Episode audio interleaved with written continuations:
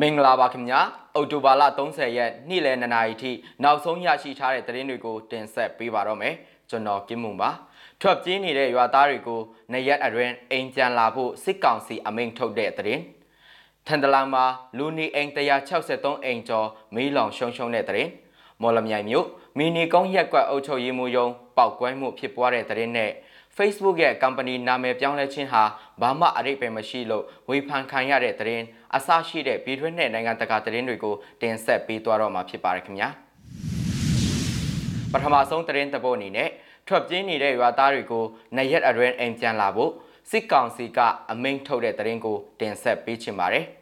စစ်ကောင်စီကိုကြောက်လို့ရွာလုံးကျွတ်ထွက်ပြေးနေတဲ့မကွေးတိုင်းတရက်မြို့နယ်အတွင်းကဘုံနာကျွန်းရွာသားတွေကိုနရက်အတွင်းပြန်မလာပါက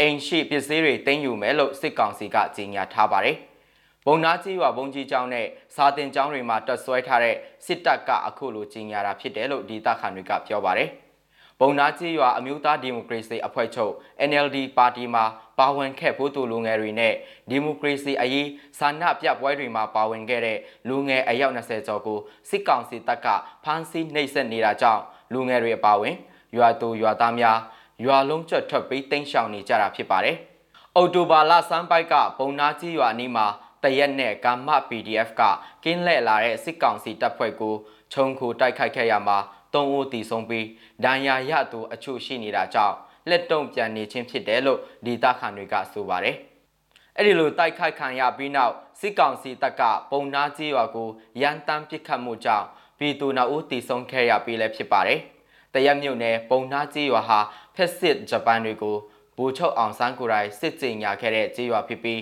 မော်ကွန်းကြောက်စာတိုင်းလည်းရှိပါတယ်။ထန်တလန်မှာလူနီအိမ်163အိမ်ကျော်မီးလောင်ရှုံရှုံတဲ့တရင်ကိုဆက်ပြီးတင်ဆက်ပေးပါမယ်။မနိကလောင်ကျွမ်းခဲ့တဲ့မီးကြောင့်ထန်တလန်မြို့ရက်ကွက်9ခုမှာလူနီအိမ်163လုံးမီးလောင်သွားခဲ့တယ်လို့ CDF ထန်တလန်အဖွဲ့ရဲ့ကောက်ယူထားတဲ့စည်ရင်းတွေရသိရပါတယ်။ Church on the Rock COTR ဖရားကျောင်းနဲ့ Presbyterian ဖရားကျောင်းအပါအဝင်ဇုံမွန်ရက်ကွက်မှာနေအိမ်56လုံး၊လုံထရရက်ကွက်မှာ3လုံး၊မြကင်းရက်ကွက်မှာ30လုံး၊မက်ကက်ရက်ကွက်မှာ52လုံး၊ TABC ရက်ကွက်မှာ22လုံးစုစုပေါင်းအိမ်163လုံးလောင်ကျွမ်းခဲ့တယ်လို့သိရပါတယ်။ ယနေ့မနေ့9နာရီခွဲအချိန်ခန့်မှာမီးငိမ့်ပြီးဖြစ်ပေမဲ့လည်းတချို့နေရာတွေမှာနေရာကွက်ပေးဆက်လက်လောင်နေဆဲဖြစ်တယ်လို့လည်းသတင်းအရင်းမြစ်တွေထံကသိရပါတယ်မော်လမြိုင်မြို့မီနီကုန်းရက်ကွက်အုပ်ချုပ်ရေးမှူးရုံးမှာအော်တိုဘာလ29ရက်ညနေ6နာရီအချိန်ကပောက်ကွဲမှုဖြစ်ပွားခဲ့ပါတယ်။အဲ့ဒီပောက်ကွဲမှုကိုမွန်ပြည်နယ်ຫນွေဦးတော်လိုင်းတပ်ဦး MPDFV အဖွဲ့နဲ့ မိတ်ဖက်အဖွဲ့တို့ပူးပေါင်းပြီးလှုပ်ဆောင်ခဲ့ခြင်းဖြစ်ပြီးဒဏ်ရာရရှိမှုအခြေအနေကိုမသိရှိရသေးဘူးလို့အဆိုပါအဖွဲ့ဝင်တို့ကပြောပါတယ်။မော်လမြိုင်မှာတက်ထောက်ခံပွဲလုပ်ခဲ့တယ်လေ။အဲ့ဒီထောက်ခံပွဲကိုဥဆောင်လုပ်ခဲ့တဲ့လူတွေကိုရှာပြီးကျွန်တော်တို့လှုပ်ဖြစ်ခဲ့တာပါ။အရိကလှုပ်ချင်တာကတော့ဥက္ကဋ္ဌပေါ့။ထိတာတော့ထိမှာတီးဖို့တော့မတိချဘူးလို့ MPDFB အဖွဲ့ဝင်တို့ကပြောပါတယ်။အော်တိုဘာလ18ရက်နေ့ကလည်း MPDFV အဖွဲ့နဲ့မဟာမိတ်အဖွဲ့တို့ပူးပေါင်းပြီး မော်လမြိုင်မြို့မြို့ပွန်ရဲစခန်းမှာဖောက်ခွဲမှုတွေလှုပ်ဆောင်ခဲ့ပါသေးတယ်။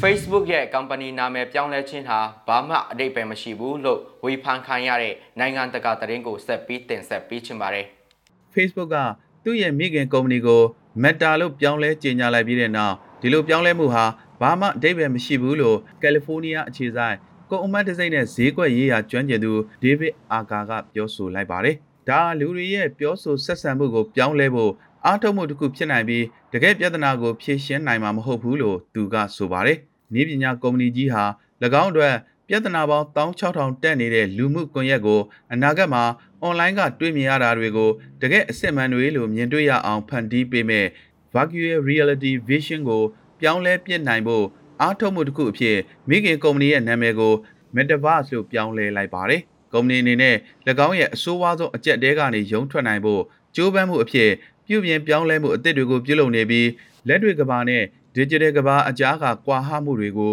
ကျင်းမြောင်းအောင်လှုပ်ဆောင်ဖို့ဆိုတဲ့ Metaverse ရဲ့ရည်မှန်းချက်အတိုင်းဥတီအကောင့်ထဲပေါ်သွားမယ်လို့ယူဆရပါတယ်။ကမ္ဘာတစ်ဝန်းလုံးကလူဦးရေတန်းချီပြီးအသုံးပြုနေတဲ့ Facebook, Instagram နဲ့ WhatsApp application တွေရဲ့နာမည်တွေကိုတော့မူလအတိုင်းဆက်လက်ထားရှိသွားမှာဖြစ်ပြီး platform ရဲ့ချွတ်ယွင်းမှုကနေအာရုံပြောင်းနိုင်ဖို့ကြိုးပမ်းမှုတစ်ခုအဖြစ်ရည်ရွယ်ပါတယ်။တစ်ဖက်ပိတ် platform တွေအောက်မှာလူမှုရေးဆိုင်ရာပြဿနာတွေနဲ့ရုန်းကန်ရခြင်းကနေအများကြီးတင်ယူခဲ့ရပြီးပြီမို့အခုအချိန်မှာကျွန်တော်တို့တင်ယူခဲ့သမျှကနေသင်ခန်းစာယူပြီးနောက်တစ်ခန်းကိုရှေ့ဆက်နိုင်အောင်ကြိုးစားဖို့အချိန်တန်ပါပြီလို့ကုမ္ပဏီရဲ့ CEO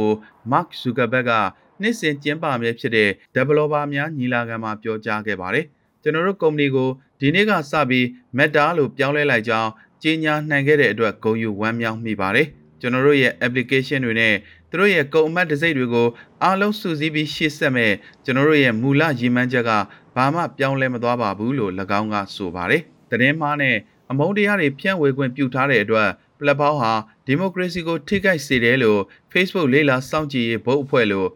င်းတို့ဘာသာနာမည်ပေးထားတဲ့တက်ကြွလှုပ်ရှားသူအုပ်စုတစ်ခုနဲ့အတူဝေဖန်သူတွေကတော့ကုမ္ပဏီရဲ့အမိပြောင်းလဲမှုအပေါ်အပြင်းထန်ကန့်ကွက်ခဲ့ကြပါတယ် what they did was really unwise because သူတို့ရဲ့ဒီလိုအတိတ်ပဲမဲ့တဲ့နာမည်ပြောင်းလဲမှုကြောင့် Facebook ကတာဝန်ခံဖို့လိုအပ်တဲ့စုံစမ်းစစ်ဆေးမှုစီမင်းစည်းကမ်းနဲ့စစ်မှန်ပြီးလွတ်လပ်တဲ့ကြီးကြပ်မှုတွေအတွက်အာယုံပြောင်းသွားတာမျိုးမဖြစ်သင့်ပါဘူးလို့အဆိုပါအဖွဲ့ရဲ့ထုတ်ပြန်ချက်မှာဖော်ပြခဲ့ပါတယ်။ဝန်ထမ်းဟောင်း Frank Haugen ရဲ့ကုမ္ပဏီရဲ့တာဝန်ရှိသူတွေဟာ၎င်းတို့ထုတ်ကုန်ရဲ့အန္တရာယ်ဖြစ်နိုင်ခြေကိုမတိကျိုးကျွံပြုနေကြောင်းဌာနတွင်လေ့လာမှုတွေပေါက်ကြားလာပြီးတဲ့နောက်ပိုင်း social media ကုမ္ပဏီကြီးဟာ၎င်းရဲ့အဆိုးဝါးဆုံးအကြက်တဲတွေတဲကတစ်ခုနဲ့ရင်ဆိုင်လာခဲ့ရတာဖြစ်ပါတယ်။ယူရီရဲ့ခံယူချက်နဲ့မျှော်လင့်ချက်တွေကိုပြောင်းလဲပြစ်နိုင်ဖို့မျှော်လင့်ပြီးကုမ္ပဏီနာမည်ကိုပြောင်းလဲတယ်ဆိုတာကတကယ့်ကိုညံနေတဲ့လုပ်ရက်ပဲ။လူတွေကအခုလိုနာမည်ပြောင်းလဲလိုက်တဲ့အတွက်တခုခုအသစ်ဆန်းပါမယ်လို့မျှော်လင့်မှာပဲ။ သူတို့က program အသစ်တွေခေါင်းဆောင်မှုအသစ်ယဉ်ကျေးမှုအသစ်စတဲ့အသစ်အသစ်တွေကိုမျှော်လင့်ကြတယ်။ဒါပေမဲ့ဒီပြောင်းလဲမှုကတော့ဘာမှမပါတဲ့အတိတ်ပဲမဲ့လုပ်ရက်ပဲလို့အမတ်တစိမ့်နဲ့ဈေးကွက်ရှာဖွေရေးအတိုင်းအမြံကုမ္ပဏီ